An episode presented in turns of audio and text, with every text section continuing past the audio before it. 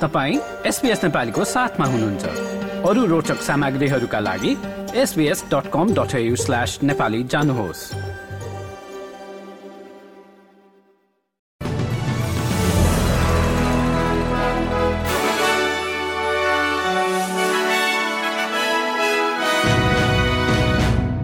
नमस्कार आज शुक्रबार पन्ध्र डिसेम्बर दुई हजार तेइस। अब पालो भएको छ एसपीएस नेपालीमा आजका प्रमुख अस्ट्रेलियन समाचारहरू सुन्ने। प्रसंग शुरू गरौं क्रिसमसको आर्थिक गतिविधिबाट।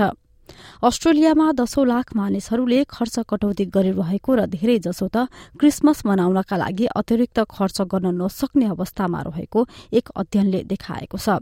सेल्भेसन आर्मीको अनुसन्धानका अनुसार पचास लाख तीस हजार भन्दा बढ़ी मानिसहरू त क्रिसमसको विशेष खाना समेत किन्न नसक्ने अवस्थामा रहेका छन्।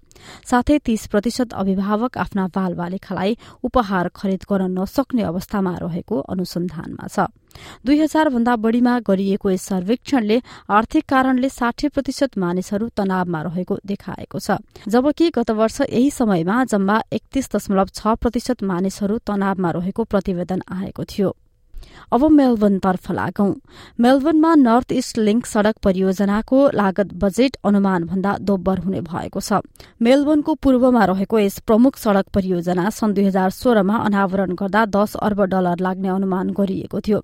तर अब छब्बीस अर्ब दस करोड़ डलर खर्च हुने अपेक्षा गरिएको छ। परियोजना अन्तर्गत हाल वेस्टर्न रिङ रोड र इस्टर्न फ्रीवे जोड्ने दस किलोमिटरको निर्माणाधीन यो सड़क बीस लेन चौड़ाईको रहेको छ। अब न्यू साउथ वेल्स तर्फ न्यू साउथ वेल्सको सबैभन्दा पुरानो एक नम्बर लेखिएको लाइसेन्स प्लेट पहिलो पटक सार्वजनिक लिलामी मार्फत बिक्रीका लागि राखिएको छ। लोयडका लिलामीकर्ता र भ्यालुवर्स अफ सिडनीले प्रस्ताव गरेको लिलामीमा एक करोड़ दस हजार डलरसम्मको बीड़ परेको छ।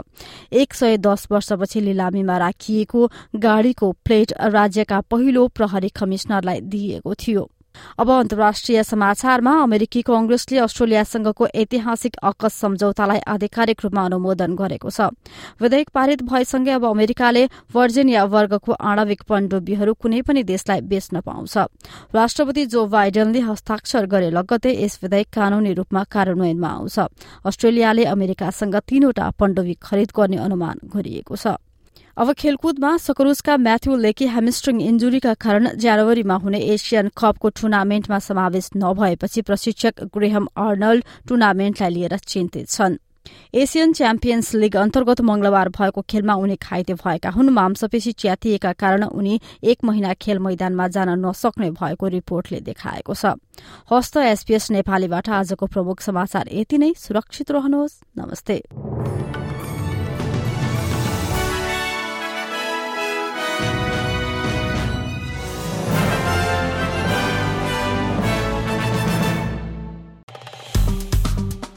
लाइक सेयर र कमेन्ट गर्नुहोस्। एसपिएस नेपालीलाई फेसबुकमा साथ दिनुहोस्।